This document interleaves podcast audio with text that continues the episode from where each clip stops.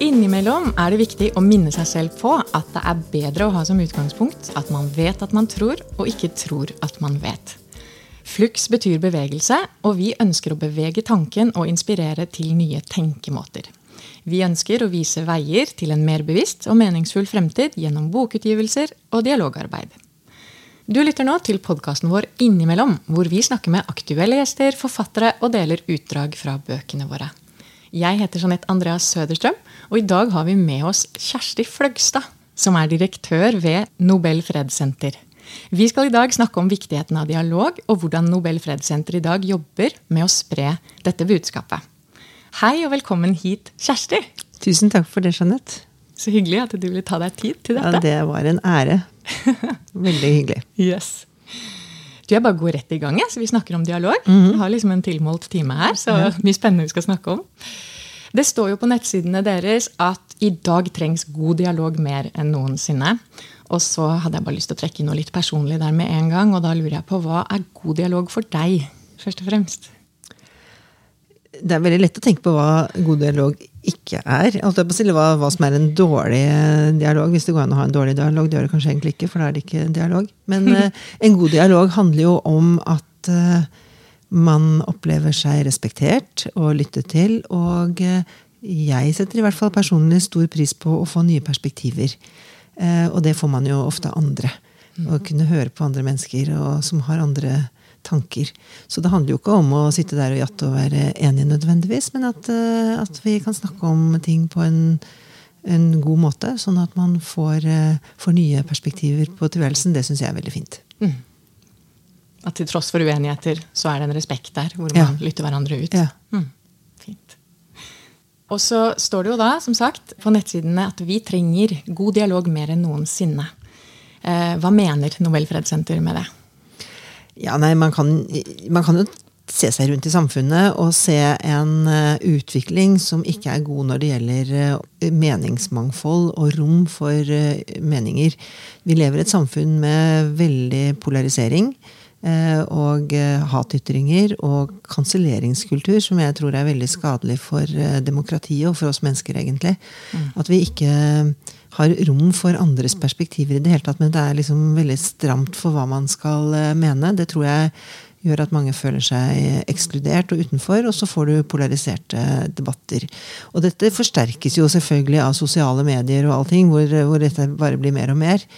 Eh, Så vår tanke er at vi må bare vi må fortelle om at det sånn kan vi ikke holde på. Vi må fortelle om at det er viktig at vi lytter til hverandre. Og at vi legger til rette for en god dialog, at vi respekterer hverandre som mennesker. Og at alle er likeverdige, og alles meninger skal bli hørt. Det er viktig for demokratiet vårt, men det er også viktig, viktig for lykkelige mennesker, tror jeg. Rett og slett at vi har, eh, at vi har, at vi har den holdningen, alle sammen. Ja. Så det er egentlig veldig i tråd med det første du svarte på når det gjelder da, hva som er en god dialog for deg. Det handler om at vi kan godt være veldig uenige om ting. Men vi må liksom behandle hverandre med respekt og kanskje være litt mer åpne for Ja. ulike perspektiver da, i samfunnet. På samfunnsnivå. Og aller verst eh, når det gjelder dialog, var jo på en måte kanskje valgkampen eh, med Trump, hvor, eh, hvor det ikke var et snev av dialog i det hele tatt, men hvor det var virkelig uthenging og veldig stygt. Eh, Og vi må passe på at ikke samfunnet liksom tar etter den eh, måten å omgås på. For det gjør at eh, veldig mange blir redde for å si hva de mener. Redde for å bli hengt ut. Eh, Det er veldig, veldig skadelig, tenker jeg. Og vi vet jo også at mange unge som faller utenfor i samfunnet i dag, eh, de opplever at de ikke blir lyttet på. Eh, Og at de ikke, eh, ikke har mulighet for å si hva de mener. Og så tiltrekkes de kanskje helt eh, andre miljøer som vi ikke er så veldig glad for at de eh, kobler seg opp mot. Så, så, så det er mange konsekvenser av et dårlig dialogklima tenker jeg, som vi ikke ønsker oss i samfunnet vårt. Så for å Skal vi se. Ja, så, så I forbindelse med det her da, så er det også sånn at eh, Nobel fredssenter eh, har økt eh, fokuset på viktigheten av dialog. Og eh, i forbindelse med å fortelle en del om det på nettsidene deres, så viser dere til en undersøkelse som dere gjorde våren 2021. Stemmer det? Ja. Eh, og der fant dere bl.a. ut at halvparten av oss oppgir å ha mistet kontakt med venner eller familie som resultat av mangel på god dialog. Vi eh, gjorde en eh, undersøkelse, ja, som du sier, fordi vi hadde begynt å titte på dette med dialog. Eh, for det første så var jo dette sterkt inspirert av fredsprisvinnerne fra vår del. Da. For mm. mange av de er, har vært veldig gode eksempler på dialog. Mm. De har brukt dialog for å oppnå det de har fått fredsprisen for. Så vi tenkte at med det som utgangspunkt så hadde vi på en måte en slags plattform, en legitimitet for å slå et slag for dialog. Men så var vi litt spent på er det faktisk et problem i samfunnet i dag, eller er det bare noe vi opplever når vi ser på ser i media. Ja. Så gjorde vi denne undersøkelsen, og den bekreftet jo så til de grader at folk opplever eh, det krevende. Mm. Folk har mistet eh, venner, som du sier, eh, og familie og kontakt pga. at de har vært uenige, eller fordi de har sagt hva de mener. Mm. Og veldig mange, jeg tror det var 60 jeg, som sier at de er redd for å si det de mener. Ja. For, av frykt for konsekvensene. Ja. Og nå har akkurat NRK gjort en tilsvarende undersøkelse. Og stilt samme spørsmål til ungdom, eller altså folk mellom 18 og 39. Og det var helt like resultater. Mm. Så dette er jo ikke bra. At man er redd for å si det man mener. Mm. Men da må vi lære oss måter å si det vi mener på, mm. og lytte som rommer andres perspektiver. Mm. Sånn at vi kan tørre å si det vi mener, uten uh, å frykte konsekvensene. Mm. Jeg er helt enig. Og så tenker jeg Det er helt sikkert noen som lytter, som tenker at de selv kanskje sitter med den opplevelsen at de eh, ikke syns det er vanskelig å si hva de mener, på en da god måte, da. Men at, uh, at reaksjonene kan også være veldig sterke. Eller at man kan mm. møte andre som virkelig mm. ikke kanskje er så dialogiske. da. Mm. Og det har jo vært så mange tilfeller av det vi kaller kansellering i det siste. Mm. Hvor, eh, hvor, folk ikke får lov å opptre for eksempel, fordi de har sagt noe ja. Eh, som noen reagerer på. Eller, eh, og det kan være helt legitime utsagn. Så plutselig får man ikke lov å snakke på et universitet i USA, f.eks. Der er det jo gått veldig langt. Ja. Eh, vi må passe på at ikke vi ikke ender der, for det blir Det med meningsmangfold er så viktig for utvikling. At vi kan eh, utfordre oss selv og utfordre tankene våre. Og bli eksponert for ting vi kanskje ikke hadde tenkt. Mm. Eh, men hvis vi driver og kansellerer hele tiden, så, så, kommer vi ingen vei. Det er, det er ikke bra. Nei. Nei, og det er jo også stor fare for at man skaper sånne subkulturer også. ikke sant? Ja, det er nettopp det. Ja. Eh, og sånn, et demokrati er jo basert på et meningsmangfold, og hvor man på en måte ytringsfrihet ja. og osv. Og, så er vi i ferd med å skape oss et, eh, si, et slags eh, regime uten at det er bestemt av myndighetene nødvendigvis, som er verre enn det man hadde i Sovjet. ikke sant? Mm. Hvor man blir eh, virkelig straffet på forskjellige måter. Det er artister og mange som har opplevd det. Man blir straffet uh, for hva man har sagt. Mm. Og det er jo sånn vi syns det var helt grusomt at det var i, i Sovjetunionen i gamle dager. Mm. Så, så, det her er viktig. Det er kjempeviktig. Nå tror ikke vi at vi på Fredssenteret kan gjøre noe med alt dette, men jeg tror at vi kan øke bevisstheten rundt uh, hvorfor dialog er viktig, og hva dialog egentlig er. Ja, hva det er egentlig ja, Ikke sant. Ja, og det skal vi jo også snakke litt mer om nå, hvordan dere går frem for å, å gjøre noe av det. Um, og da er det sånn at eh, dere har på en måte da eh, trukket inn, for dere jobber jo tett på eh, fredsarbeid eh, og fredsprisvinnere. Dere har trukket inn eh, dems velprøvde og effektive metoder, skriver mm, dere mm. på nettsidene, eh, som har bidratt, eller bidrar, til å skape forståelse og forsoning. og det handler om dialog. ikke sant? Og så er det lett da, at det kan fort bli litt sånn abstrakt hvis man skal liksom lære bort dialog. Mange bruker ordet dialog eh, der hvor de mener en samtale, og noen ganger kanskje til og med er det egentlig en diskusjon mm. eh, som er i ferd med å utvikle seg. Så hva har dere gjort for å gjøre de metodene som fredsprisvinnere er kjent for, litt mer tilgjengelige? Mm. Ja, Utgangspunktet vårt er jo fredsprisvinnere som har benyttet dialog.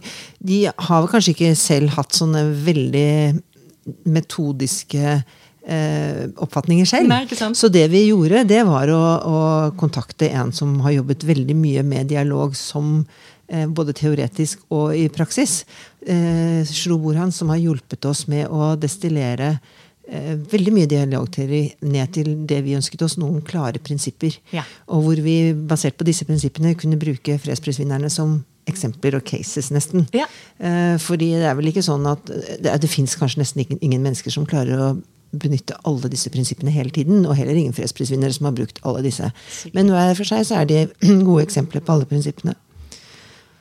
Så vi har åtte prinsipper. eh, Og de er, syns jeg, så robuste og, og gode at, eh, at de på en måte kan forklare veldig godt hva dialog er, og hvorfor dialog er forskjellig fra en samtale eller en diskusjon eller en debatt eller en skarp debatt. Mm.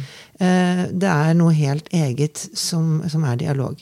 Og kanskje det aller viktigste, som jeg er blitt veldig, veldig glad i, eh, er, eh, det er to ting. Det ene er eh, prinsipp nummer én som vi har, som er at dialog er en grunnholdning. At du da går inn i enhvert møte med dialog som et utgangspunkt, og du møter andre mennesker med respekt og likeverd. Tenker at alle er eh, like mye verdt. Eh, Det er eh, kanskje en selvfølge, men det er jo ikke alltid sånn vi møter andre. Så jeg tenker det er veldig viktig. Og det andre som jeg syns er veldig viktig, er det som vi faktisk har kalt boken vår også. De som lytter, flytter verden. Jeg har vel kanskje ikke alltid vært den som er flinkest til å lytte, tror jeg. Jeg er ganske eh, flink til å prate. Så jeg har- syns det har vært veldig nyttig. Ah, uh, og Det er fælt å innrømme. Men, uh, men det prinsippet å være Å lytte for å forstå. Ikke lytte for å finne ut hva ditt neste svar skal være, eller for å forklare. Det er veldig vesentlig. Eh, og så betyr ikke det at du ikke skal selv si hva du mener, eller sånt, men du, kan, du må på en måte sitte og lytte og prøve å finne ut. Og så tenker jeg Det gir jo også et perspektiv, og vi lærer så veldig mye ved å lytte godt og ordentlig. For da kan man jo få, eh, som jeg sa helt innledningsvis, se nye perspektiver på ting man kanskje ikke hadde tenkt på før. Og at folk tenker forskjellig rundt ting. Så, men det er mange ting. Det er det å skape eh, trygge rom er et prinsipp. Det å inkludere alle i samtalen. Eh, Det å stille gode spørsmål. Og ikke minst, mange kan jo tenke at dialog er veldig pusete, men det er det jo heller ikke. Vi skal snakke om de vanskelige tingene. Og kanskje egner dialog seg ekstra godt for å snakke om de vanskelige tingene. For da kan, i et trygt rom, med god lytting og gode Ja. spørsmål, så kan man kanskje tørre å komme frem med de vanskelige Ja. tingene sine. Og så til slutt så handler det jo også om eh, tilgivelse og forsoning. Og det er også et veldig vanskelig spørsmål, men også veldig viktig. Mm. Ja, ikke sant? Både på personnivå og eh, samfunnsnivå, da. Ja, og det, ikke sant? Og det er Desmond Tutu og Dalai Lama har jo vært, liksom, snakket mye om dette med Ja. tilgivelse og forsoning. Og det, i, sånn som i Rwanda med det store folkemordet, hvor de gikk inn for liksom, å forsones eh, og til, tilgi. Og for å gå, komme videre. Det var jo også Sør-Afrika. Det er jo liksom sånn helt eh, Helt eh, nesten uforståelig at, det- at det går an. Men um, på et personlig plan så tror jeg også det er ganske viktig. Og, og ettersom jeg så, er blitt så opptatt av dette, da, så satt jeg og så på en film om eh, om Tina Turner, og hun hadde jo hatt et veldig veldig komplisert forhold til sin eksmann Ike. Mm. Turner, Og hver gang hun ble spurt om, eh, om det, så ble hun helt sånn oppbrakt og opprørt, og det gikk veldig hardt inn på henne. Og så sier hun eh, liksom mot slutten av denne, av denne eh, filmen at hun hadde etter hvert eh, tilgitt han. For hun hadde forstått hvor han kom fra. Mm. Så hun hadde på en måte, Jeg vet ikke, jeg husker ikke om han levde fremdeles, da, men i sine, sitt indre da, så hadde hun kommet liksom et skritt videre. Og liksom klarte å se at ok, han var bare et menneske, og det skjedde med han, og det gikk utover henne. Og så da kunne hun håndtere alle spørsmål rundt eh, den situasjonen på en helt annen måte. Og det tror jeg faktisk kanskje er eh, det viktigste vel tilgivelse og forsoning. At man selv kommer videre. Ja. Gå, for det å gå og bære på hat og nag, det skaper ikke noe annet enn problemer for en selv. Nei, det så, så det der med å klare det, men det er jo ikke noe enkelt. Hvis man har blitt utsatt for uh, noe helt uh, utilgivelig, så er det jo ikke så lett å tilgi. Men, eh, men eh, hvis man klarer å liksom ta det perspektivet, legge ting bak seg og gå videre Nå sier ikke jeg dette fordi jeg syns det er lett, og jeg Neida. gjør det hele tiden, men jeg vet bare at det er sånn. Ja. Og det, vi hadde en eh, veldig sterk eh, seanse som vi driver med mange forskjellige ting, og det kan vi jo komme tilbake til. Men vi hadde et, eh, et stort møte på Klingenberg kino for, her i våres, hvor eh, eh, Bakland-terroren i Paris Der var det jo eh, mange mennesker som døde. Og der fant faren til en av ofrene sammen med faren til en av terroristene sammen. Mm. og de satt på scenen og fortalte om sitt møte. Eh, og faren til denne jenta som døde, hadde tatt imot faren til terroristen og sagt at han tilga denne handlingen og ønsket heller å liksom snakke sammen og gå i dialog for å bygge bro. Det var et utrolig sterkt møte. og liksom Hvordan folk klarer det. Og så tenker jeg det, Han hadde veldig mye visdom i seg. Hvordan de to da eh, kan bringe noe inn i samfunnet også. Mm. Og sannsynligvis også fikk han et enklere og lettere liv ved å ta den holdningen, fremfor å gå rundt og bære nag og være hatefull. Ja. Så det er ganske sterke historier. Jeg tror kanskje at uh, historien om tilgivelse og forsoning er noe av det sterkeste som trykker mest på følelsesknappen vår. Mm. Det er altså så sterkt hvis vi klarer det. Tror det er noe ganske sånn noe urmenneskelig over det. Og så noen vil vel trekke det raskt inn i religion også. ikke sant? At det, det snakkes mye om viktigheten av tilgivelse og forsoning. Så det vanligste er jo at vi går rundt og hatter og har, bærer nag. Ja, ja, og bærer nag, helt og enig. det blir kriger av det, og det blir mye Ja. Se på Putin og hvordan de holder på liksom, og eh, bruker historien for eh, alt den er verdt for å kunne skape hat. Og, Ja. eh, og eh, ja, det motsatte, da. Ja, ja. Så det er jo ikke så vanlig at vi får det til, men da er det jo veldig nydelig de gangene man får høre om sånne historier, eller Ja. selv klarer å gjøre det, så tenker man at dette her er viktig. Ja, absolutt. Jeg, jeg har også vært veldig fascinert av det temaet. Det er lenge, så jeg har også lyst til å skyte inn en ting, også fordi det er sikkert noen lyttere som kanskje føler seg litt eh, berørt av det. Og du var jo selv inne på dette med at hvis det har skjedd deg noe Hvis det har skjedd deg veldig stor urett, eller hvis noen har em, påført deg skade systematisk, Um, så har jeg også lest at man skal ikke tvinge noen til å tilgi. Um, men det å forsone seg med at noe har skjedd, og det å, sånn som du var inne på i sted, det å faktisk forstå at det mennesket har ikke nødvendigvis gjort det for å være ond heller. Det mennesket har gjort det fordi det ikke har hatt bedre forutsetninger til å gjøre ting annerledes. Da. Det er jo med på det der med at man også kanskje selv da klarer å gi mer slipp på. At for jeg tror noen ganger kanskje noe grunnleggende som ligger der, kan være at det er liksom noe feil med oss selv fordi dette har skjedd med oss. Og så er det noe feil med den andre fordi den andre har på. ikke sant? Men å forsone seg med det som har skjedd, akseptere at det blei som det blei, kan også hjelpe oss til å gi mer slipp. Og dette her er jo ekstremt vanskelige temaer. Og, og som du sier veldig riktig, så ha, dette handler jo om eh, kan handle om veldig veldig krevende opplevelser man har hatt, Mm. som absolutt ikke kan aksepteres og egentlig ikke forklares. Eller, altså det er jo, folk har jo opplevd helt ekstreme ting. Absolutt.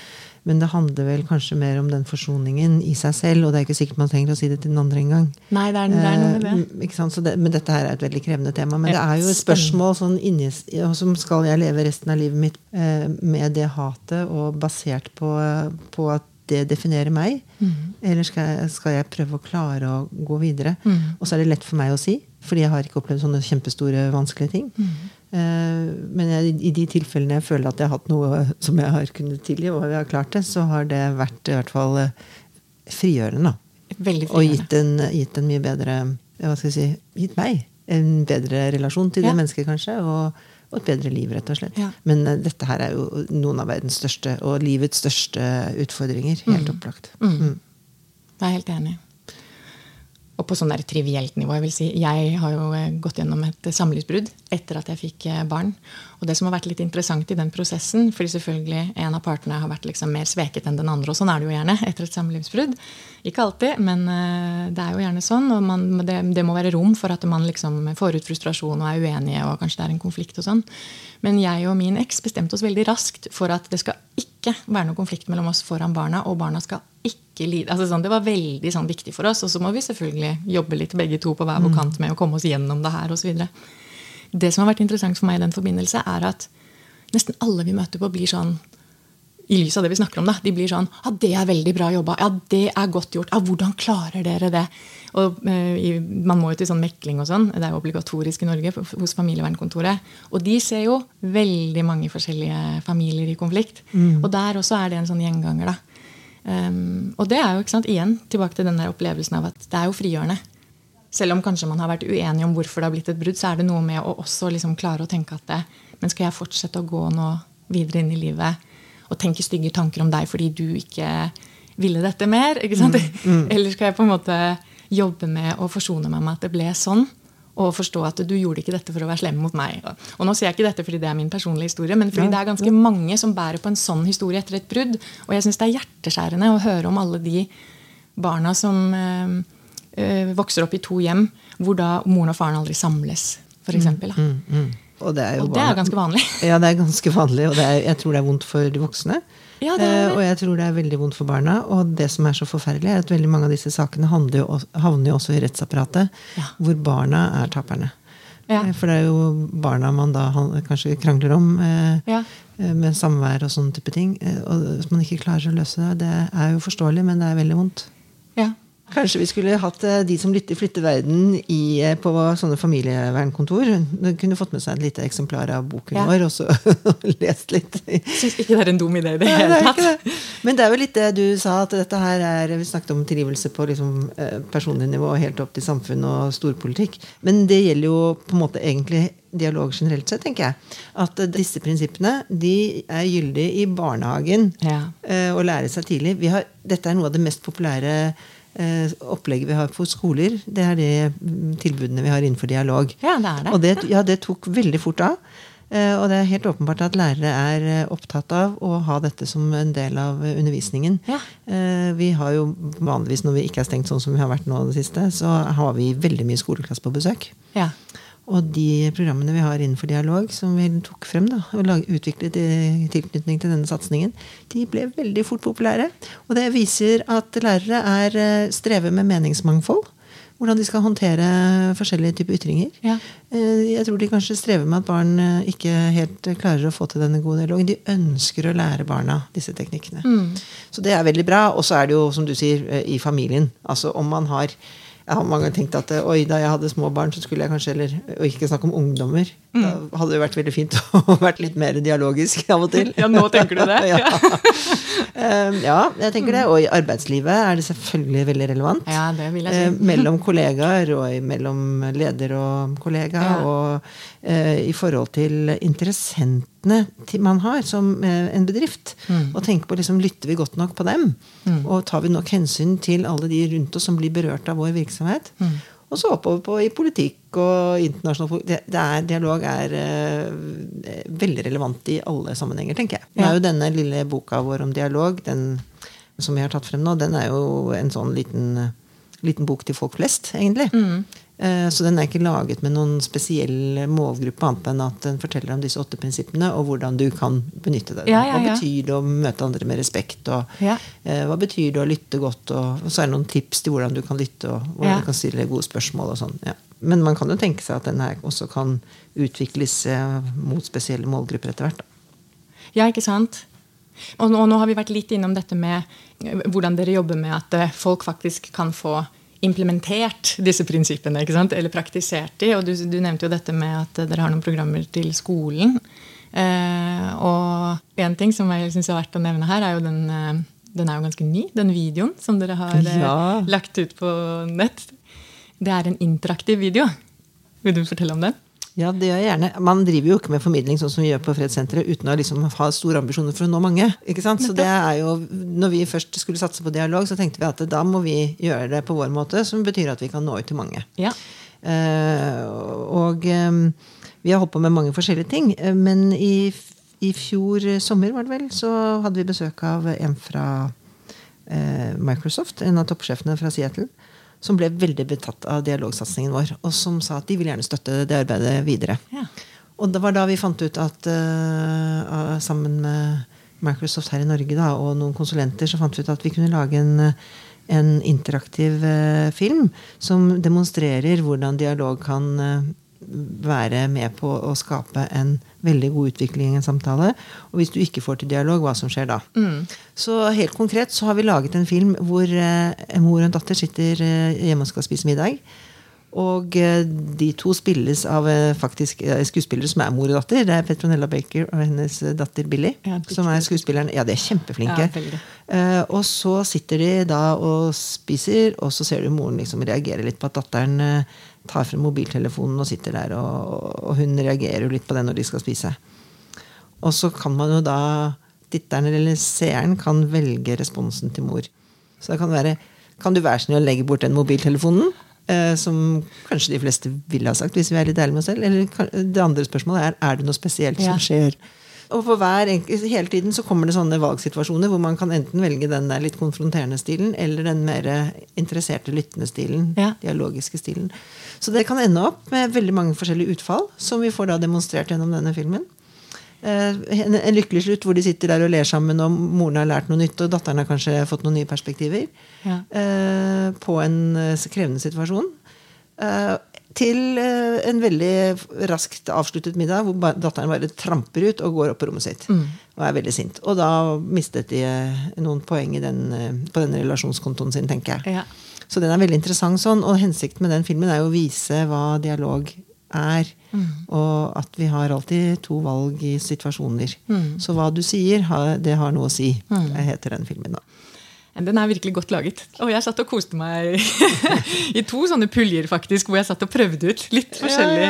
Eh, For det er jo også godt at eh, selv om man selv, da, som jeg, liksom, proklamerer at jeg er god på disse dialogiske prinsippene, men eh, det er spennende å bli utfordra på alle mulige måter en samtale kan utvikle seg. Ja. Men også hvordan vi hele tiden vi kan velge å ta et steg tilbake. Ja. Eller å si noe litt forsonende. For det er også noe med å opptre dialogisk. Ja.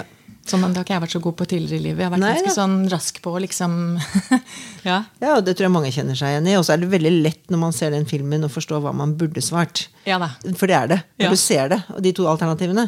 Men hvis man er litt ærlig med seg selv, hva ville jeg svart, så tror jeg kanskje utfallet ville vært annerledes for mange. Og det kan man jo tenke litt på. Eh, og så tror jeg det krever uh, litt trening og øvelse og bevissthet å faktisk uh, stille disse gode spørsmål. Ta et skritt litt tilbake, puste litt, eller, og vise den interessen. Ja. Eh, og, og på en måte istedenfor å bare kline til, liksom. Ja. Men eh, er, livet er livet, og vi kommer hjem er sliten fra jobb og har hatt mye. Og liksom, så vi skal være litt romslige, romslige og rause med oss selv, og det er ikke alltid det er eh, så enkelt. Det, det krever trening, og det er derfor vi eh, er opptatt av at, eh, at man skal kunne få lov å trene seg litt. Da. Eh, Og, og derfor så er vi så veldig glad for at du har fått disse, dette samarbeidet med Flux, som skal kjøre kurs Ja. i dialog. Eh, Fordi vi tror folk kanskje har lyst til å lære litt mer. Ja. Enten om du har en treåring hjemme, eller om du har en tenåring, eller om du har en kollega du kanskje syns du kunne snakke litt bedre med, eller bare sånn generelt. Det er ikke noe nederlag å, å trenge å øve på det her, for det er ikke så enkelt. Det er ikke enkelt. Nei. Og til det ene, nå skal vi absolutt snakke litt om dette samarbeidet, det gryende samarbeidet mellom Flux og Nobel fredssenter. Um, men um, jeg tenker også at um, man skal ikke kimse av, vil jeg svare på det du sa, av effekten det har å oppsøke den andre, eller oppsøke hverandre og si 'Å, du, unnskyld mm. at det utvikla seg sånn'. Ja, ja, I hverdagen og i Mm, familiesettinger. Og det har jo så mye å si. Det har veldig mye å si. Og det betyr så mye. Ja. Men for veldig mange er det veldig vanskelig. Så Det også tenkte jeg litt på da, når det gjaldt den videoen, hvordan det liksom utvikler seg litt ulikt med, meg, med en gang hun moren. For det er jo hun som sitter med litt mer ansvar synes jeg, i en sånn type dynamikk. Mor-datter. ikke sant? Hvor hun på en måte er litt mer sånn undrende. Så Mykles Ja, på det gode så er hun det. Ja, det er det jeg mener. da, På det gode, ja. Nei, men du, um, så da um, tilbake til dette med å kunne implementere og praktisere disse åtte prinsippene. Og tilby mer dialog eller trening i dialog til folket. Så var du jo litt inne på det i stad. Det er bl.a. inngått et samarbeid mellom Nobel fredssenter og Flux. Uh, ja, Har du lyst til å fortelle litt om det? Veldig gjerne. Eh, Det her er jo en av flere ting vi gjør på dialog. Vi, vi har jo bestemt oss for at vi bare ønsker å løfte frem de gode eksemplene når det gjelder dialog. Så vi deler ikke ut kaktuser til folk som er dårlige, men vi prøver å ta folk i, i å gjøre gode ting. Så vi har jo en sånn månedens dialogstemme, og vi har, som jeg nevnte, dette, denne storsatte stormøtet vi hadde på Klingenberg, hvor vi hadde disse fedrene. Og vi har uh, hatt uh, diakan med uh, høyreekstremister på Colosseum, hvor vi fylte hele Colosseum kino, og folk gikk ut med gråtende øyne etterpå. Så vi gjør jo sånne store ting for å inspirere. Og så, um, og så har vi nå, tar vi nå skrittet videre til liksom for å Det vi har prøvd på så langt, er å fortelle litt hva dialog er, og hvorfor det er viktig. Og nå ønsker vi å gå litt videre til å hjelpe folk til å finne ut av hvordan de faktisk kan gjøre det. da. Og her kommer jo Flux inn som kursholder for oss, eller sammen med oss. da. Vi skal ikke holde kurs selv, men det er i samarbeid med oss. Ja. Hvor uh, det er to kurs som to typer. Det ene er et grunnkurs, og det andre er et mer sånn videregående kurs. Så man går mer inn i dybden på disse prinsippene og hva det innebærer osv. Og, så og så er det eh, krydret med litt historier om disse fredsprisvinnerne som vi har tatt frem fordi at de er gode og inspirerende forbilder. Ja.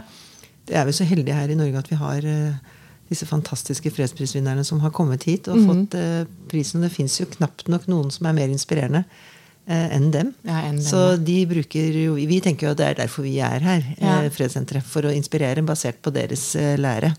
Så det blir veldig spennende med de kursene.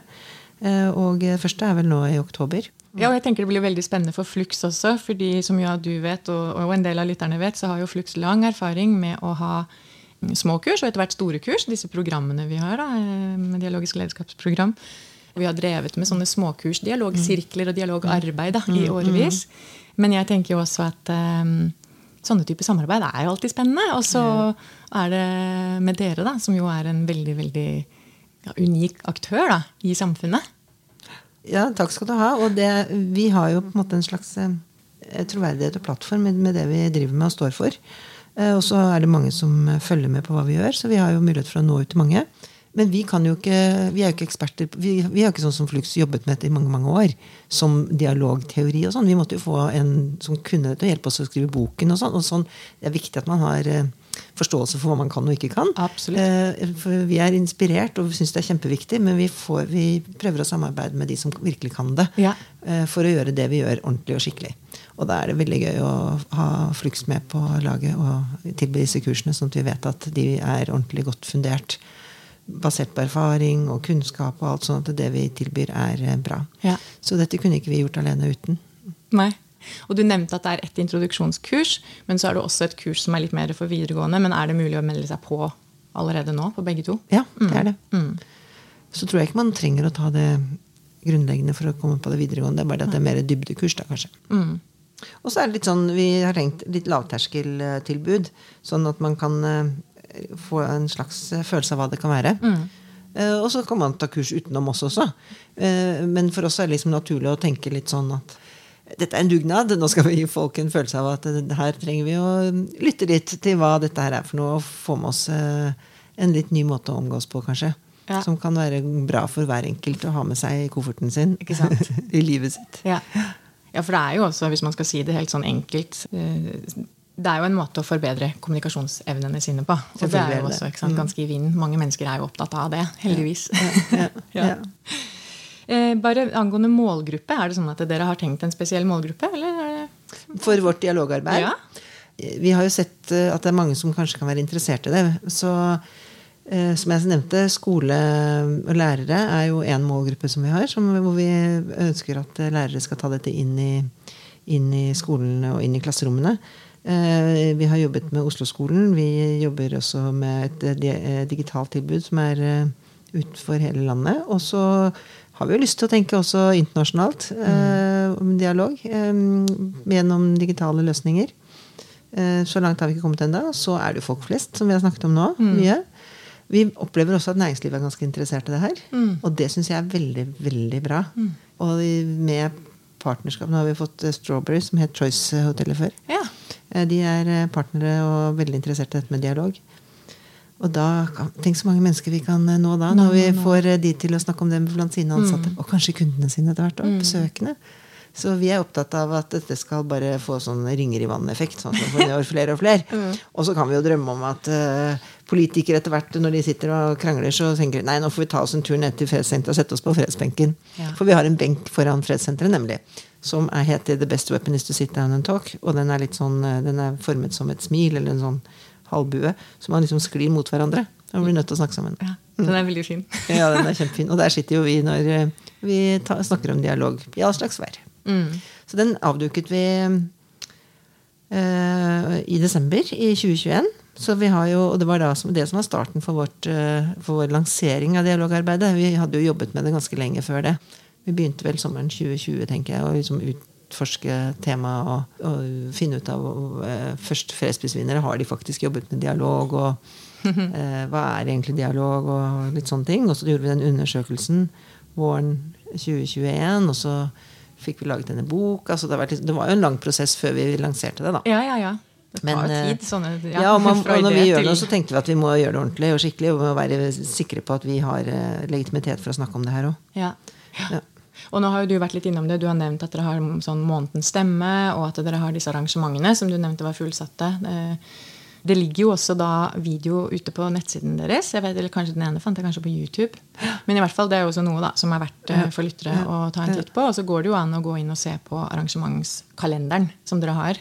For det vil vel kanskje komme noen andre sånne litt større, som du sa, større dialog... eh, Ja da. Vi har planer for noen store. Eh, Så nå har vi jo, som jeg bare nevnte i en bisetning, nå har vi vært stengt eh, en stund. Fordi det begynte med at vi skulle bygge om eh, for å lage et sted hvor vi kan nettopp ha sånne ting. Mer arrangementer og sånn. Ja. Det var vel en av hovedårsakene. Og så fant de ut at hele fundamentet til Fredssenteret var i ferd med å forsvinne. Så det ble et stort uh, redningsprosjekt. Så, men nå åpner vi 1.12., og da har vi et eh, flott uh, nytt konferanserom. Som vi også kommer til å bruke mye mer til litt mindre arrangementer og til kursene våre. Ja. Det er en investering vi har gjort for å nettopp kunne være mer aktiv på sånne ting som dette. her. Ja. Så, har dere, du har jo erfaring med mange av disse forskjellige arrangementene dere tilbyr. ikke sant? Men har du sett at det har vært ekstra stor eh, interesse for type sånn, sånn som hun Dia Khan var med på? Ja, altså Det var helt sjukt. Eh, Det første arrangementet hadde vi på Vika kino. Jeg syns det var litt, eh, litt eh, også ganske ambisiøst. Ja. Eh, Det tar vel eh, 290 mennesker eller noe. Da hadde vi om eh, den filmen Joy med Desmond Tutu og Dalai Lama. Mm. Og noen psykologer som snakket om vil dialog gjøre deg mer lykkelig. Og da ble det fullt. Og det var jeg veldig overrasket og veldig glad for. Og kjempebra tilbakemeldinger. Så hadde vi et med Diakan på Colosseum, og det var helt fullt, Helt fullt. på Colosseum. Og det var bare helt rått. Det var eh, i november i fjor. Og det, det var trist for alle de som ikke fikk vært der, altså, men det var bare eh, Du kjente på energien i, det, i den salen. Eh, aldri opplevd maken. Det var helt, eh, helt utrolig. Folk bare ble så berørt av den opplevelsen. Altså, filmen er jo ikke ny. Meet, meeting the, right, right, meeting the enemy. Dia Khan gikk og snakket med høyreekstremister, for hun ønsket å forstå. Møtte dem med respekt og dialogisk. Og det medførte jo at en av de Han var leder for det største nynazistpartiet i, eh, i USA. Og han meldte seg ut og har konvertert og nå blitt uh, jobber mot ekstremisme. Uh, og det ser du i den filmen, at det skjer noe med han gjennom møtet med Dia. Og så sitter de og snakker sammen i salen etterpå. ikke sant? Ja. det Med Henrik Syse som programleder. Det var veldig veldig fint. Er utrolig Og så du denne her andre terroristsaken som vi hadde. Så nå er det vel på tide med et nytt et snart. Ja, det kommer nok nå snart, ja. Mm. Men det er jo Følg med på programmet hos oss. Ja, følger med på programmet. Og det er jo veldig godt å høre at uh, sånne type arrangementer og filmer og tematikker uh, vekker interesse Og folk. Da tenker jeg da er vi i hvert fall Det sier i hvert fall noe.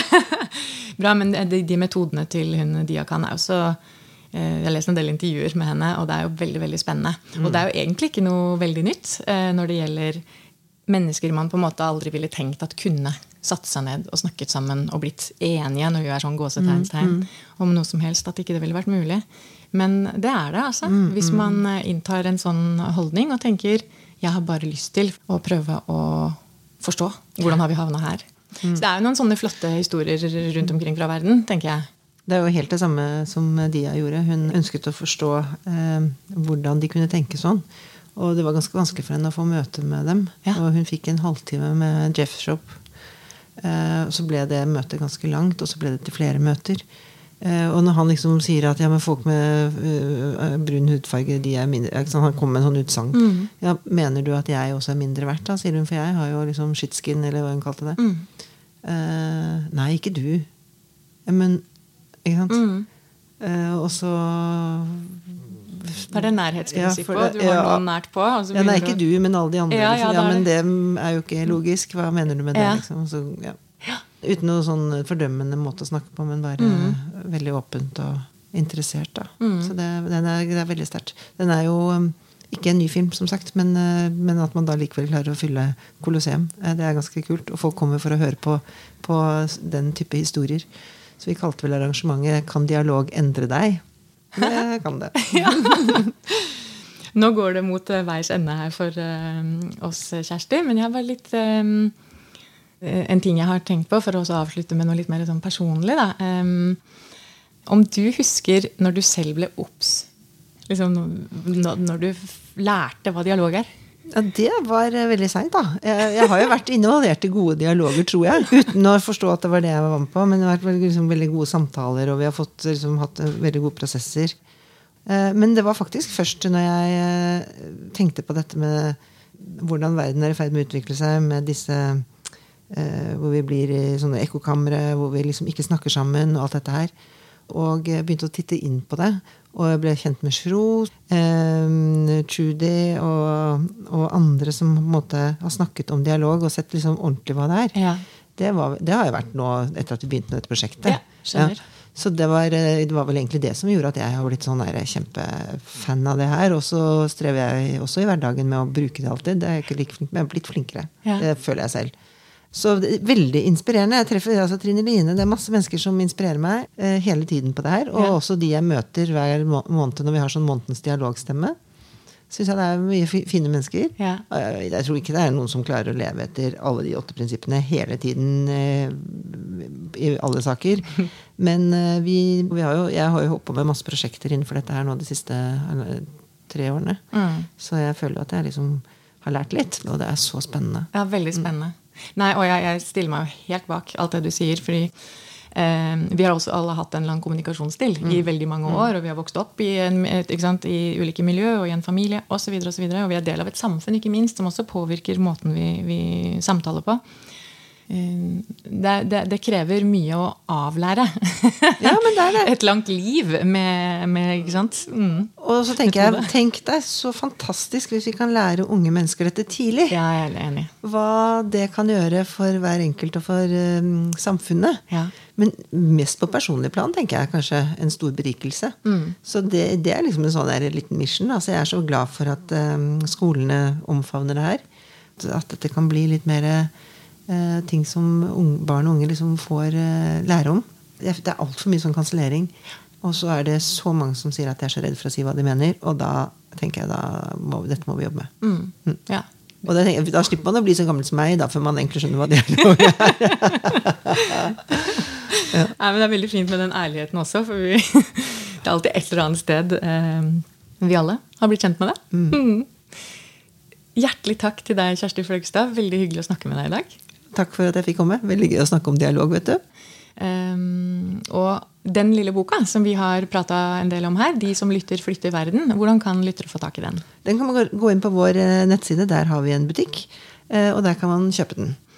Og når det gjelder eh, de nevnte kursene, som, som er et samarbeid mellom Flux og Nobelfredssenter, så er det også informasjon om det på nettsidene deres. Mm. Ja.